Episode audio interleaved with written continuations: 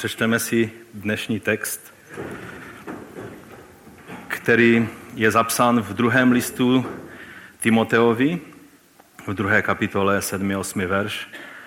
A druhý list, nebo, nebo dopis Timoteovi, je vlastně poslední věc, kterou máme zachovánou od Apoštola Pavla, kdy na konci svého života napsal e, svému, svému duchovnímu synovi a mezi jinými mu řekl právě tato slova. Přemýšlej o mých slovech a pan ti dá, abys to všechno pochopil. Pamatuj, že Ježíš Kristus z Davidova semene byl vzkříšen z mrtvých a to je mé evangelium. Pane, my tě prosíme, aby si požehnal své živé slovo v našich srdcích, v našich životech, ať se stane součástí našeho vyznání, našeho života. O to tě, Otče, prosíme ve jménu Pána Ježíše. Amen. Můžete se posadit?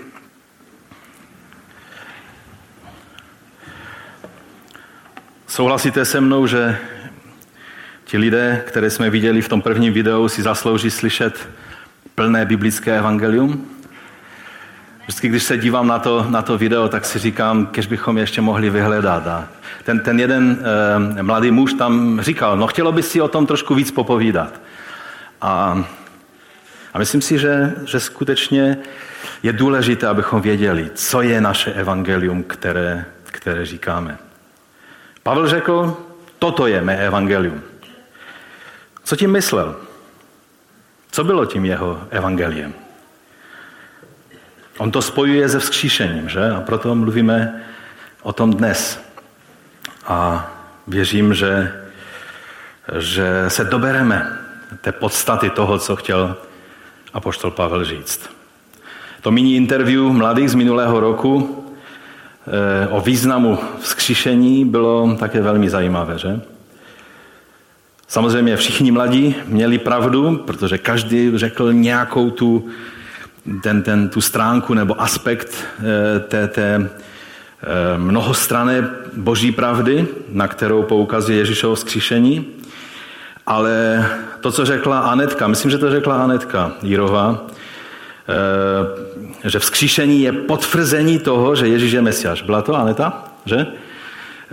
Pro mě to byla ta nejpřesnější trefa. Protože od toho se odvíjí absolutně všechno ostatní. Kdyby Ježíš nebyl vzkříšen, tak všechno, co o něm říkáme, by bylo jenom hezké zbožné přání. A my bychom byli dost trapní. A dost ubozí. A já bych asi nebyl křesťan. A mnozí z vás taky asi ne. A možná by vůbec křesťaní neexistovali. Rozumíte? Vzkříšení způsobilo, že víme, kým je Ježíš a že všechno, co říkal, každé slovo, je třeba brát na váhu zlata, protože to řekl ten, který má moc, který je panem a králem. Ale pojďme zpátky k tomu Pavlovu evangeliu. Eh, máme takový pocit, možná většina křesťanů, že se zeptáte, co to je evangelium. Možná, kdybych si udělal teď čas ale nechci vám ubírat toho svátečního dne příliš. A kdybych se vás zeptal, tak, tak co je podle tebe evangelium? Tak dneska máte nápovědu od Pavla, tak byste možná odpověděli jeho slovy, ale, ale zkusme popřemýšlet, když, když chceme někomu říct evangelium, co vlastně říkáme. Jsou různé pomůcky za tím účelem, třeba čtyři duchovní zákony, že? Ale vás musím zklamat. Čtyři duchovní zákony jsou sice hezké myšlenky, ale není to evangelium.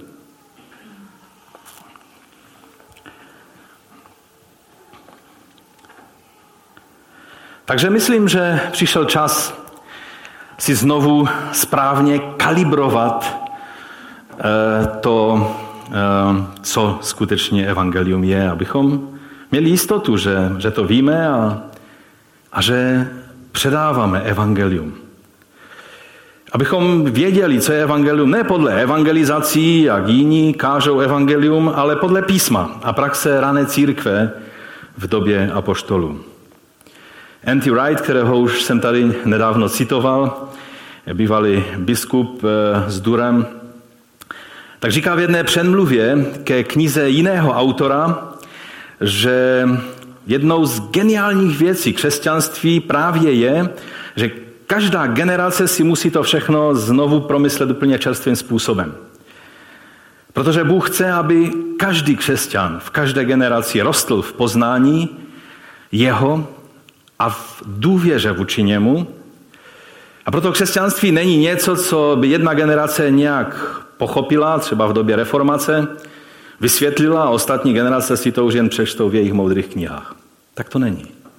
Znovu a znovu se vracíme, protože pravda stojí za to, abychom si znovu a znovu ujišťovali, že ta naše kalibrace pravdy je, je správná. Eh, Pan Ježíš u Jana v 17. kapitole ve třetím verši, když se modlil, tak říká, a toto je věčný život, aby poznali tebe, jediného pravého Boha a toho, kterého jsi poslal Ježíše Krista. To má být něčím, co skutečně je touhou našeho srdce a chceme skutečně prožít to, že poznáváme. Abyste ne poznali, ale poznávali tam je. To znamená, to je proces pro každou generaci úplně čerstvý. Eh, dovolte mi, že budu citovat eh, N.T. Wrighta. Křesťanská víra, můžete tam e, také mít a si to číst, křesťanská víra je jak kaleidoskop a většina z nás jsme barvoslepí. Je mnohorozměrná a většina z nás zvládá udržet v hlavě ve stejnou dobu na nejvyš dva rozměry. Je symfonická a my jsme tak akorát schopni zapískat sotva jeden z těch tónů. Neměli bychom proto být překvapeni. Pokud někdo přijde a obrátí naši pozornost k těm dalším barvám a vzorům, kterých jsme si doposud nevšimli. Neměli bychom být znepokojeni tím, že někdo nám nakreslí třetí, čtvrtou eh, nebo dokonce pátou dimenzí, kterou jsme tak nějak přehlíželi. Měli bychom uvítat, když nějaký hudebník zahraje novou část té harmonie k tónu, o kterém máme dojem, že už tak dobře známe. Je to obrovská pravda. Já mám takovou, takovou, takovou svou vlastní vizi a touhu, aby v každém kázání se za to modlím, abych vás tak nějak pomyslně vzal za ruku a to město, třeba naše město, které důvěrně znáte a které máte pocit, že už nic nového vás eh, nemůže překvapit, takže vás dokážu tak vzít za ruku a, a přivést na nový kopec, o kterém nemáte ani tušení, že existuje v okolí Těšína a že se na ta stará známá místa budete moci podívat úplně z nového úhlu a řeknete si, to je úžasné. To jsem nevěděl, že to je naše město. Rozumíte, je to stále to stejné. Ale kež bychom vždy dokázali to uvidět čerstvým a novým způsobem. To je moje modlitba. Jestli se mi to daří nebo ne, to už je um, taky mezi námi a, a nebesy a taky mezi tebou a pánem a taky i záleží na tom, jestli spíš nebo bdíš, jestli chceš něco slyšet nebo nechceš slyšet, protože vždycky jsme taková směsice různých, různých eh, lidí a postojů a toho všeho. Dnes jsou před námi dvě slova, dva pojmy, dvě pravdy našeho křesťanství, o kterých víme, že patří spolu, ale jak to spolu souvisí, to je třeba, abychom si ukázali. Jsou to jak události Velikonoc, a už nám tady hezky naši spoluobčané nad tím filozofovali. Ehm, hlavně je to nedělní vzkříšení, že? A to druhé slovo je evangelium. Jak to spolu souvisí? To nás vede k takové dost jednoduché, ale přitom velmi důležité otázce, na kterou máme pocit, že, že už dávno máme odpověď, ale ta otázka je, jestli skutečně máme odpověď. Takže moje první otázka je, co to je evangelium? A jak jsem řekl, většina lidí při slovu evangelium je přesvědčena, že jestli teda existuje něco v Bibli, čemu rozumí, tak je to přece právě toto. Je to evangelium. Mnozí poučují kazatele, ale nekaž o těch jiných věcech. Kaž takovéto jednoduché evangelium aby se lidé mohli obrácet. Takže co to je evangelium? To jednoduché evangelium, na základě kterého se lidé můžou obrácet. Lidé mají víceméně následující představu o tom, co je evangelium. Za prvé, že je to dobrá zpráva. A za druhé, že když je to teda dobrá zpráva, tak to asi je pro mě. Že všechno, co je dobré, se musí týkat mě. E, pro mě, v můj prospěch. No a za třetí, že je to plán spásy, který mi ukazuje, co mám dělat, abych mohl po smrti do nebe. Přesně ty tři body jsme taky zpívali v některých těch písních. E, podívejme se na to ještě jednou. Ta první věta je pravdivá, protože už samo slovo euangelon znamená vlastně všechno, co začíná v řeštině eu, tak vždycky to souvisí s něčím dobrým. A eh, angelon, to je taky slovo anděl, od toho pochází, že je to dobré poselství, dobrá zpráva. Takže ta první věta samozřejmě je pravdivá, a um, je to dobrá zpráva, ale ta otázka spíš je, co je obsahem té dobré zprávy, že? Jak je to s tou druhou větou? Je evangelium o mně a o naplnění mých potřeb? No, kdyby to tak bylo, tak se asi tak neptám, že? To už jste postřehli. E, takže možná některé zklamu, ale evangelium není ani o tobě, ani o mně. I když si to mnozí křesťané na světě myslí. Ale to je o Bohu a jeho poslaném, jeho mesiáši. Víte, nenadarmo první křesťané, víte, co oni mysleli, když řekli slovo dobrá zpráva, evangelium? Evangelium? Oni tím mysleli první čtyři knihy Nového zákona. Evangelium podle Matouše. To bylo stále totéž evangelium, řečeno čtyřnásobným způsobem, ze čtyř úhlů. Podle Matouše, podle Marka, podle Lukáše, podle Jana. Samozřejmě někdo může namítnout, ale to v původním textu nebylo, ty názvy. Samozřejmě, že nebylo. Ale hodně brzy se to tam dostalo. Bylo to někdy na začátku druhého století, kdy máme rukopisy, které, které už obsahují buď na začátku nebo na konci toto Eh, toto pojmenování. A když křesťané říkali evangelium, tak tím nemysleli nějaké čtyři duchovní zákony, ale mysleli tyhle čtyři novozákonní knihy, které popisují to všechno, co víme, že popisují.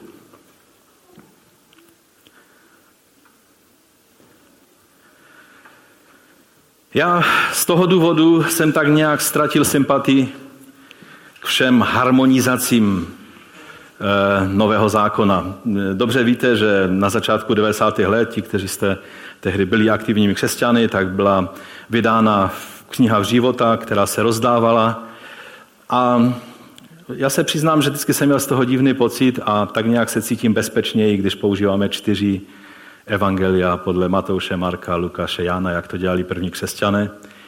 První pokus nějak eh, udělat takový souhrn eh, byl takzvaný Diatesaron, který byl v druhém století. Syrské některé sbory to používali nějaký čas, ale pak ti biskupové začali vysvětlovat, že, že to není to ta správná věc a že je třeba se vrátit k těm původním evangelím z první, z první generace, protože Bůh měl důvod, proč dal tyto čtyři evangelia na začátku, než začnete číst cokoliv jiného tak si čtyřikrát přečtete příběh Ježíše.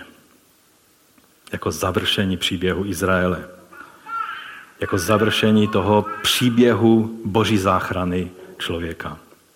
No a ta třetí věc je evangelium návod, co mám dělat, abych byl spasen, to jest, abych po smrti šel do nebe, jak si většina křesťanů představuje, že tohle znamená slovo spása.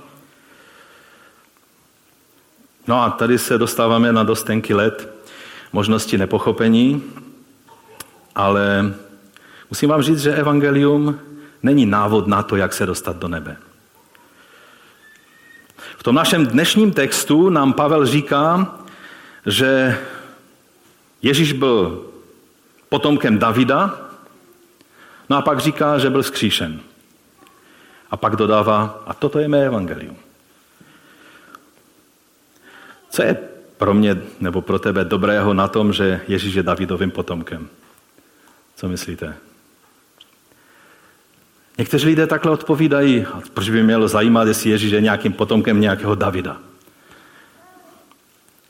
A právě, že to je to, abychom skutečně předali evangelium, tak ten člověk musí říct to, aha, teď už rozumím. Jak je důležité to, že Ježíš je potomkem Davida. A ta druhá věc, že byl vzkříšen. A Pavel dodává, toto je mé evangelium. Takže možná nám to nejde moc do hlavy, proč by se lidé měli fascinovat tolik, eh, natolik těmito věcmi, že by to mělo proměnit jejich život od základu.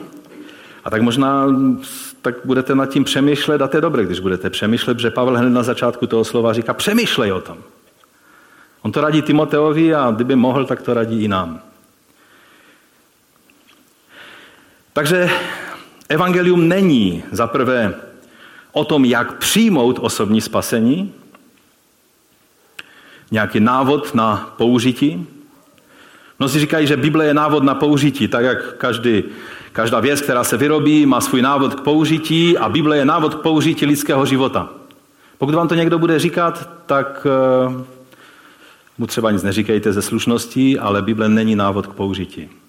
Bible je příběh Boha, do kterého si pozvan, aby se ho účastnil. Skrze zmocnění Ducha Svatého. Může být účastí toho, co koná Bůh. A když byste si koupili pračku a teď byste otevřeli návod, jak ji máte používat a tam by bylo napsáno, a kdysi dávno, před věky, byste to zavřeli a řekli si, oni mi v elektře dali špatnou knihu k té pračce, že? Ale přesně tak, Bůh nám dal správnou knihu. On se nespletl. Akorát my někdy z Bible chceme udělat něco jiného, než, než Bůh původně zamýšlel. Takže není to návod, jak přijmout osobní spasení. Dokonce ani to není vysvětlení, co znamená ospravedlnění vírou. Ale je to o Bohu, který nám dal krále. Bůh nám na tom, jak Ježíš žil, sloužil, učil a zemřel, a pak povstal ke vzkříšenému životu, ukázal, jak to vypadá, když se Bůh stane králem. Když byste hledali texty, které přímo mluví, nebo naznačují, nebo se dotýkají toho, co je evangelium, tak pojďme si projít několik takových míst z Nového zákona. Asi nejdůležitější a také nejstarší, podle odborníků, nejstarší text, který vlastně se dochoval a který tady velice zjevně v tom listu ke Korinským budeme číst z první Korinským 15. kapitoly, velice zjevně Pavel tady cituje něco, co bylo už formulováno předtím. Necituje tady své názory, ale něco, co bylo velice jasně formulováno. A proto on říká, připomínám vám, bratři, evangelium, které jsem vám zvěstoval a které jste přijali a v něm stojíte, skrze něž jste i zachraňováni. Skrze něž jste i zachraňováni. Spasení. Ehm, držiteli se ho tak, jak jsem vám je zvěstoval. Tady je důležité, abychom na tom nic nezměnili, abychom se toho drželi tak, jak nám e, bylo zvěstováno. Leda, že byste uvěřili nadarmo. Lze uvěřit i nadarmo, to je dost velká vystraha. Předal jsem vám především to, co jsem sám také přijal, že Kristus zemřel za naše hříchy podle písem, byl pohřben a třetího dne byl vzkříšen podle písem, zjevil se Kéfovi a potom dvanácti. A dále se zjevil více než pětistům bratři najednou a většina z nich doposud žije. Někteří však již zemřeli. A potom se zjevil Jakubovi a potom všem apoštolům a naposledy ze všech jako nedochud třetí zjevil se také mně. To je takový Pavlův dovětek do toho, do toho příběhu. A pak pokračuje, že pak on tam rozvíjí více tu věc o, o sobě, ale pak se vrací zpátky ve 20. verši k tomu poselství. A říká, avšak Kristus vstal z mrtvých, prvotina těch, kdo zemřeli, když tedy přišla skrze člověka smrt, přišlo skrze člověka také vzkříšení z mrtvých. Jako v Adamovi všichni umírají, tak také v Kristu budou všichni obživeni. Každý však ve svém pořadí, jako prvotina Kristus. Potom při jeho příchodu ti, kdo jsou Kristovi. A potom bude konec, až Kristus odevzdá království Bohu a Otci a zruší každou vládu. Neříkejte to naší vládě, aby se nelekli. Zruší každou vládu, každou vrchnost i moc. Neboť on musí královat, dokud nepoloží všechny nepřátelé pod jeho nohy. Jako poslední nepřítel bude zahlazena smrt. Neboť všechno podřídil pod jeho nohy. Když však řekl, že je všechno podřízeno, je zřejmé, že všechno kromě toho, kdo mu všechno podřídil. A až mu podřídí všechno, pak i sám syn se podřídí tomu, jenž mu podřídil všechno, aby byl Bůh všechno ve všem. Římanům začátek od třetího verše. Evangelium o jeho synu, jenž povstal podle těla z potomstva Davidova, zase to tady máme. To asi bude dost důležitá věc, že to tady znovu. A podle ducha svatosti byl vzkříšením z mrtvých ustanoven za syna Božího v moci. To je to, o čem jsem mluvil na začátku. Evangelium o Ježíši Kristu, našem pánu. Když slyšíte slovo Ježíš Kristus, tak si to klidně můžete poznamenat do svých biblí, že by se to mohlo přeložit král Ježíš. Pomazaný král Ježíš, protože Mesiáš to je politická funkce, to je král, to je mocnář, to je ten, kdo vládne, kdo má vládu a je k tomu pomazaný Bohem. O Ježíši Kristu, našem pánu. Skrze něho jsme přijali milost a apoštolské poslání k poslušnosti víry pro jeho jméno mezi všemi národy. No a pak je ten náš verš, který už jsme četli. Pamatuji, že Ježíš Kristus z Davidova semene byl zkříšen z mrtvých.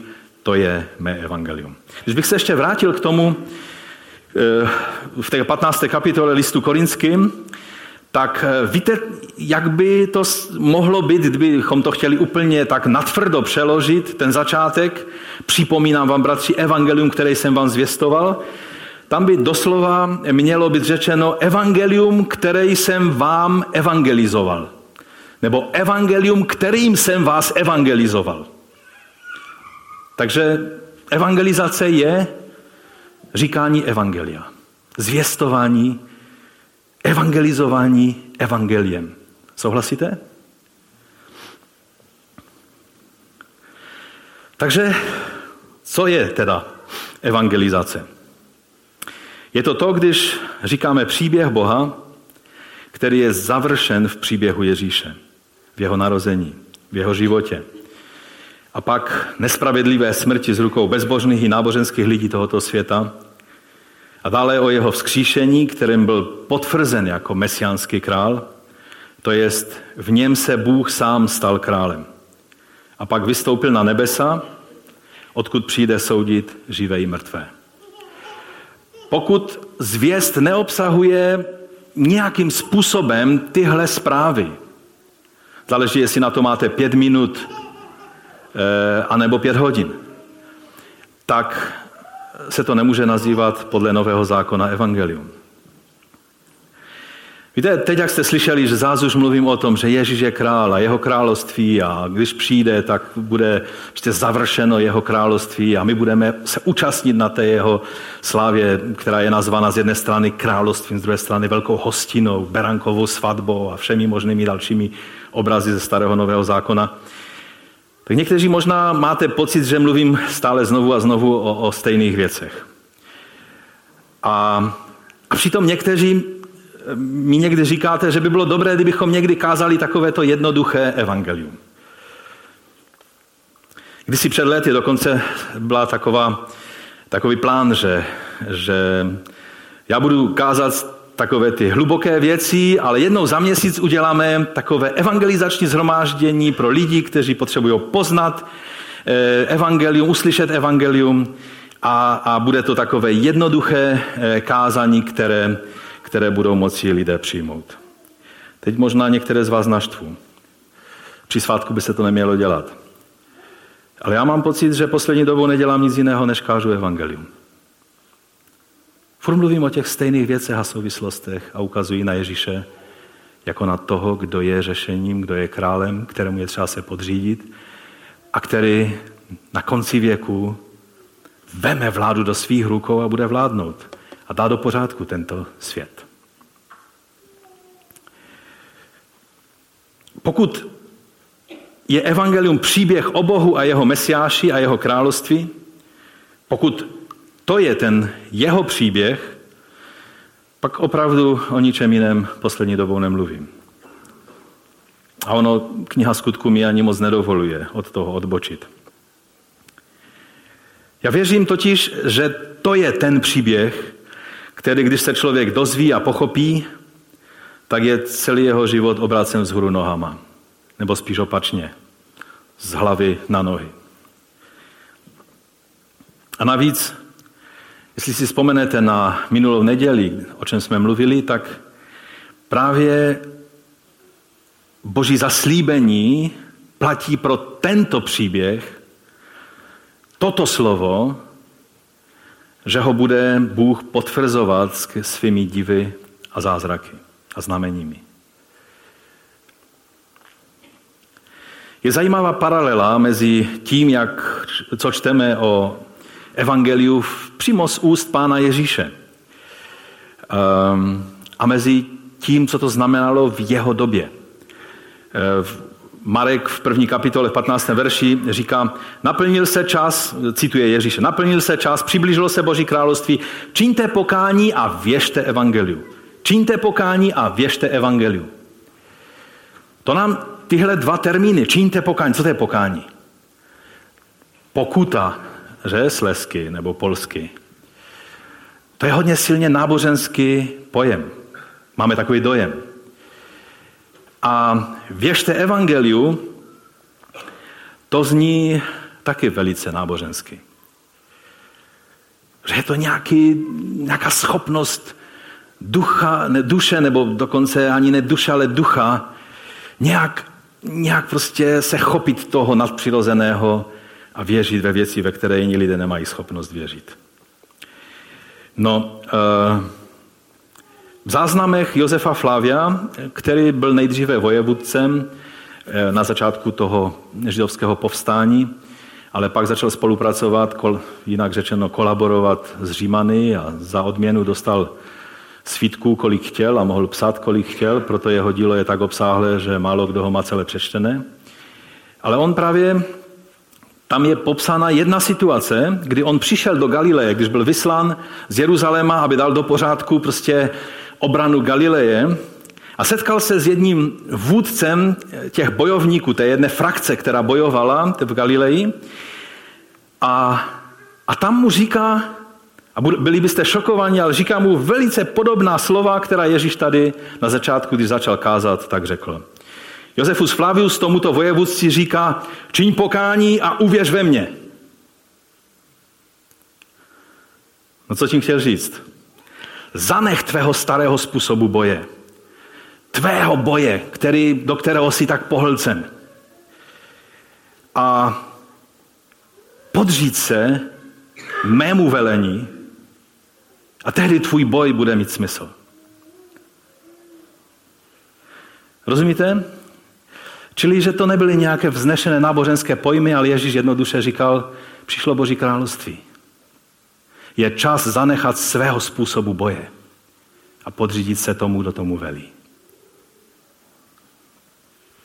Nevím, jestli se vám taková verze činí pokání a uvěř ve mě líbí, ale je třeba ji brát v úvahu. Zní to dost jinak, než jsme zvykli slyšet, že? Ale možná je to jedna z těch stránek toho města, kterou jsme zrovna ještě neviděli. Více o tom budeme mluvit po svátcích. E, přesněji o tom, co znamená uvěřit a být spasen pouhou vírou. Ono reformační sola fide. Co znamená pouhou vírou?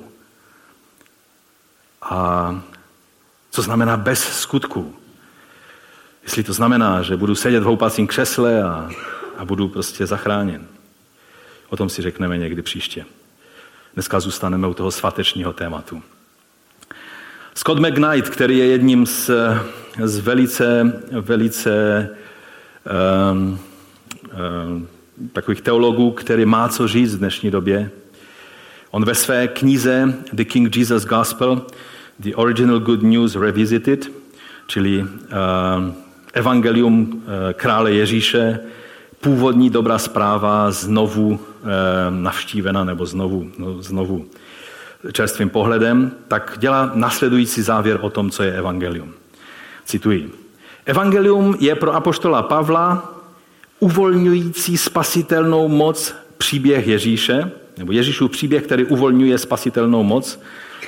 Je to Mesiáš Pán, Boží syn, který přivádí příběh Izraele k vrcholnému naplnění, jak je napsán nebo popsán ve starém zákoně. Evangelizovat znamená prohlašovat tento příběh. Je to tento příběh, který zachraňuje lidi od jejich hříchů. Tento příběh je tím jediným nosným příběhem, pokud chceme být apoštolští ve svém předávání evangelia. Můžeme evangelium potrhnout i dalšími svědectvími a kategoriemi, ale je jen jeden svatý apoštolský příběh. A to je příběh Izraele. Toto je onen apoštolský nosný příběh pro evangelium. Ten příběh začíná stvořením a končí teprve tehdy, když je završen tím, že Bůh je všechno ve všem. Um, aby bylo jasné, já s tím velmi souhlasím. Toto je evangelium. Za druhé se pojďme podívat, jak se správně chopit evangelia. Víte, často mám takový dojem, že slovo evangelium a to, co se pak říká, tak je to jenom takový určitý účelový, důmyslný nástroj, jak lidi přimět k rozhodnutí přijmout Ježíše do svého srdce jako osobního spasitele, a to tak, že to dají najevo zvednutím ruky a pak následnou modlitbou hřišníka. Scott McKnight říká dále, že takovéto běžné pojetí evangelia, které mezi lidmi dnes, kdyby bylo takto říkáno v prvním století prvním křesťanům, tak by ani nerozeznali, o čem je řeč. Takové ty důrazy, Bůh tě miluje, má pro tvůj život dokonalý plán. Jsme od narození hříšníci, musíme si proto uvědomit svoji hříšnost. A, a když si uvědomíme, uvědomíme svoji hříšnost, pak je třeba si uvědomit, že Ježíš zemřel za naše hříchy. Proto přišel na zem, abychom mohli přijmout odpuštění hříchu. A jestli tomu uvěříme, jsme touto vírou spasení, ospravedlnění a když zemřeme, tak půjdeme do nebe. To je velice běžný eh, běžné eh, poselství, kterému se říká evangelium.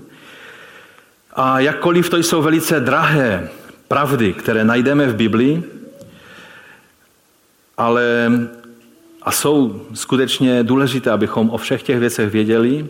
Proč potom, když se podíváme do Bible, tak kde se říká o tom, co je evangelium, tak čteme dost jiné věci. Evangeliem vidíme, že se nazývá úplně jiný soubor informací. Nejsou to návody, není to o mně, není to o tom, co se se mnou děje, ale je to o tom, co se stalo skrze boží zaslíbení v písmu božímu mesiáši. A co to, jaký dopad to má na nás.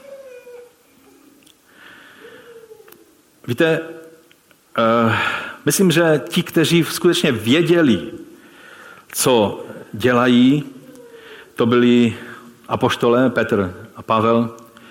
Jejich kázání máme zaznamenána v knize skutků a my jsme už procházeli mnohými nebo většinou z nich.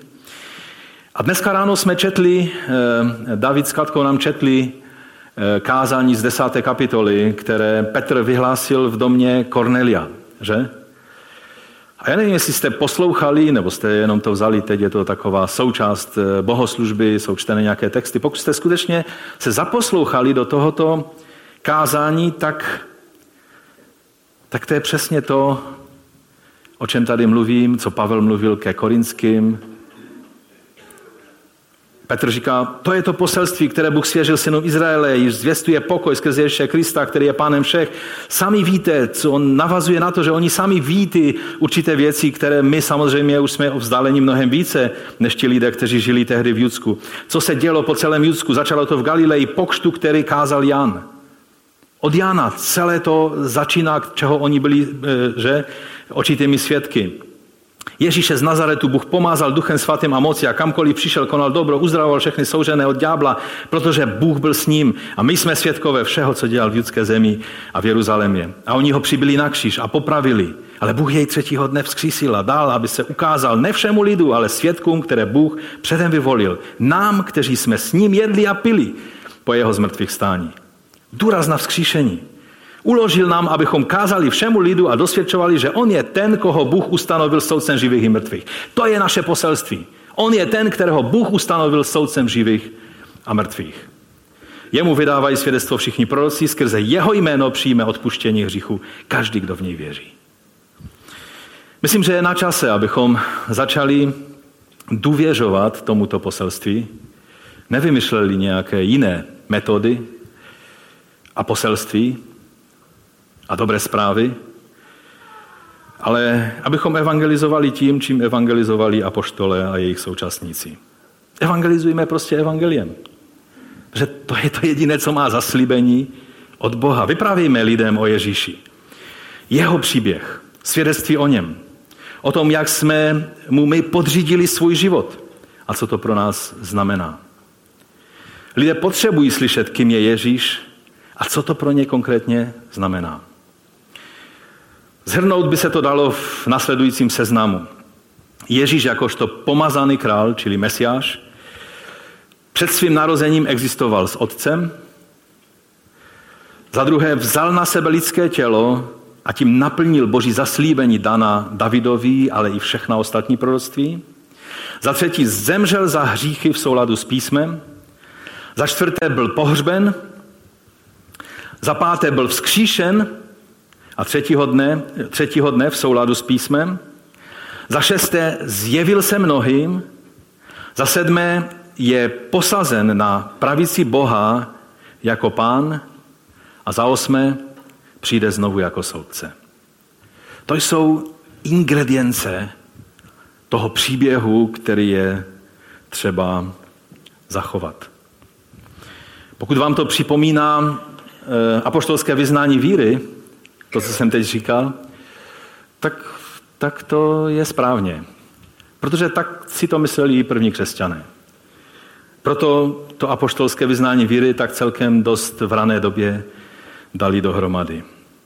Apoštolské vyznání víry e, zní velice podobně, jak to, co jsem, ty body, které jsem řekl. Věřím v Boha, Otce Všemohoucího, Stvořitele nebe i země i v Ježíše Krista, syna jeho jediného pána našeho. Jenž se počal z Ducha Svatého, narodil se z Marie Pany, trpěl pod Pontiem Pilátem, ukřižován, umřel i pohřben jest. Sestoupil do pekel, třetího dne vstal z mrtvých. Vstoupil na nebesa a sedí po pravici Boha, Otce Všemohoucího, odkud přijde soudit živé i mrtvé. Věřím v Ducha Svatého, svatou církev obecnou, společenství svatých, odpuštění hříchu, skříšení těla a život věčný. Amen. Můžeme na to říct amen? Amen. No a jsme zpátky u toho Pavlova vyjádření. Když chtěl říct jednu větou esenci Evangelia, to, co jsme teď trošku rozvinutějším způsobem říkali, pak řekl dvě podstatné informace z toho seznamu, ale ty předpokladají ovšem vše ostatní. Bez toho by nemohly být pravdivé. Ježíš Kristus z Davidova semene byl zkříšen z mrtvých. Takže ten pomazaný král Ježíš je potomkem Davida. A to znamená, že všechno, co bylo v písmu o něm napsáno, se naplnilo. Za druhé, jeho královská mesiářská vláda byla potvrzena vzkříšením. A za třetí, všechno ostatní, včetně kříže. Všimněte si, že ani kříž tady nemusí být zmíněn, i když my velice často a rádi zdůrazňujeme, že naše evangelium je o kříži, tak vám chci říct, že pro Pavla stačilo říct o vzkříšení a, a věděl, že lidé jsou logicky uvažující bytosti a tudíž vzkříšení by nemohlo být bez kříže, že? Ale vzkříšení dalo smysl kříži. Pokud by nebylo vzkříšení, pak Ježíšovo ukřižování by bylo jenom další velice tragické mučednictví. Tisíce mladých židovských chlapců v té stejné generaci nebo v jednu generaci později bylo ukřižováno. Tisíce, stovky denně. Ježíšovo ukřižování má smysl, protože přišlo vzkříšení, které potvrdilo, že to všechno, co je o něm řečeno a co on říká, je pravda. Vzkříšení mění vše. No a pojďme teď tak trošku k závěru. Jaký já z toho mám užitek? Protože to si vždycky lidé kladou, tu otázku. Já jsem si myslel, že bych ten bod už ani nemusel dávat, že bychom byli dříve na obědě, ale jelikož lidé si vždycky kladou otázku, jaký já z toho mám užitek, když to není o mně a je to o Mesiáši. Co, co já mám dělat, abych byl spasen? Co to znamená věřit evangeliu o Ježíši králi?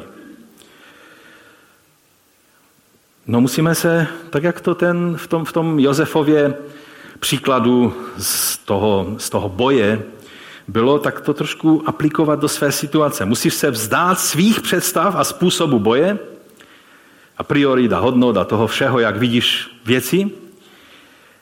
A máme se podřídit Mesiáši králi. Svěřit se do rukou Mesiáše krále. O tom více někdy příště. No a co pak prakticky máme dělat, tak stačí si přečíst zbytek toho Pavlova textu. Pojďme se ještě jednou podívat na tu druhou kapitolu, druhé, druhé Timoteovi. Přemýšlej o mých slovech. Pan ti dá, eh, abys to všechno pochopil. Pamatuj, že Ježíš Kristus Davidova semene byl zkříšen z mrtvých, to je mé evangelium. Pro ně, pro to evangelium, snáším útrapy. Dokonce i okovy jako zločinec. Ale dodává Pavel, tajemství. Boží slovo není v okovech. Proto jsem ochoten všechno vydržet kvůli vyvoleným, aby i oni došli spásy a věčné slávy v Kristu Ježíši. To je jistá pravda. Jestli jsme s ním zemřeli, budeme s ním žít. Jestli vytrváme, budeme s ním královat. Říkáte si, co já tam budu dělat na nějakém oblačku, budu hrát na nějakou kytaru nebeskou, jestli vůbec hudba bude v nebi existovat, tam nebude vlastně nic, ani nebudu vědět, jestli jsem žena nebo muž a vlastně já nevím, co tam budu. Mm, takhle to není. Naděje, vzkříšení znamená, že to budeš ty, ze vším všudy, co jsi ty, akorát bez těch tvých chyb, slabostí, žaludečních vředů, bolehlavu, plešatostí a nevím co všechno. A budeš královat spolu s Kristem. To je velikonoční poselství. Jestli vytrváme, budeme s ním královat. Jestli jej zapřeme, on nás zapře. I on nás zapře. To je varování. Jestli, ale teď poslouchejte, jestli jsme nevěrní, což se stává, on zůstává věrný. Nemůže přece popřít sám sebe. Věrnost je součástí toho, kým on je. Když jednou vyvolil Izrael, i když se Izrael postaví na hlavu, vždycky zůstane jeho lidem. Všechny teorie o tom, jak Bůh odložil Izrael a našel si mladší, hezčí manželku než Izrael, jsou světské pohledy na Ježíše. On zůstává věrný, prostě zůstává věrný. Přijetím kříže na každý den se otevíráme moci vzkříšení, onomu zmocnění Ducha Svatého, té moci toho příštího království. Když se na to podíváme, tak vlastně máme o Ježíši králi a o evangeliu, jeho evangeliu, máme přemýšlet, máme na něj pamatovat, máme pro ně, to je pro evangelium, snašet útrapy a, a všechno vydržet, máme umírat sobě a svým představám a máme vytrvat, máme Mesiáše nezapřít. Protože jedině my můžeme se spod jeho vlády eh, odsunout. On nedovolí, aby nás někdo vytrhnul z jeho ruky, ale my to dokážeme, když ho zapřeme. Máme se k němu veřejně hlásit, nebo jinak řečeno jej vyznávat. První veřejné vyznání je křest. Máme být věrní. A odměnou nám bude, že všechno pochopíme, že budeme žít v souladu s Evangeliem, Boží slovo v našem životě nebude v okovech, i když my někdy budeme omezení. Bude svobodně působit v našem životě i okolí. Dojdeš spásy i věčné slávy v Božím království. Když se nám stane, že bychom náhodou byli nevěrní, tak on zůstává věrný. On se totiž ve svém postoji k tobě nikdy nezmění. Pokud jej ty zapřeš, pak je zde varování, že i on se tě zapře. Neřekl náhodou Pavel římským křesťanům, že evangelium je mocí boží ke spasení? Eh, když nám je jasné, co je evangelium, tak o tomto příběhu musíme přemýšlet, že to je ta moc. Evangelium je mocí Boží. A je na čase, abychom tomu začali důvěřovat. Takže toto je mé velikonoční poselství. A doufám, že podle rady Apoštola Pavla nad tím budete přemýšlet. A teď ještě takové PS na závěr. Tak.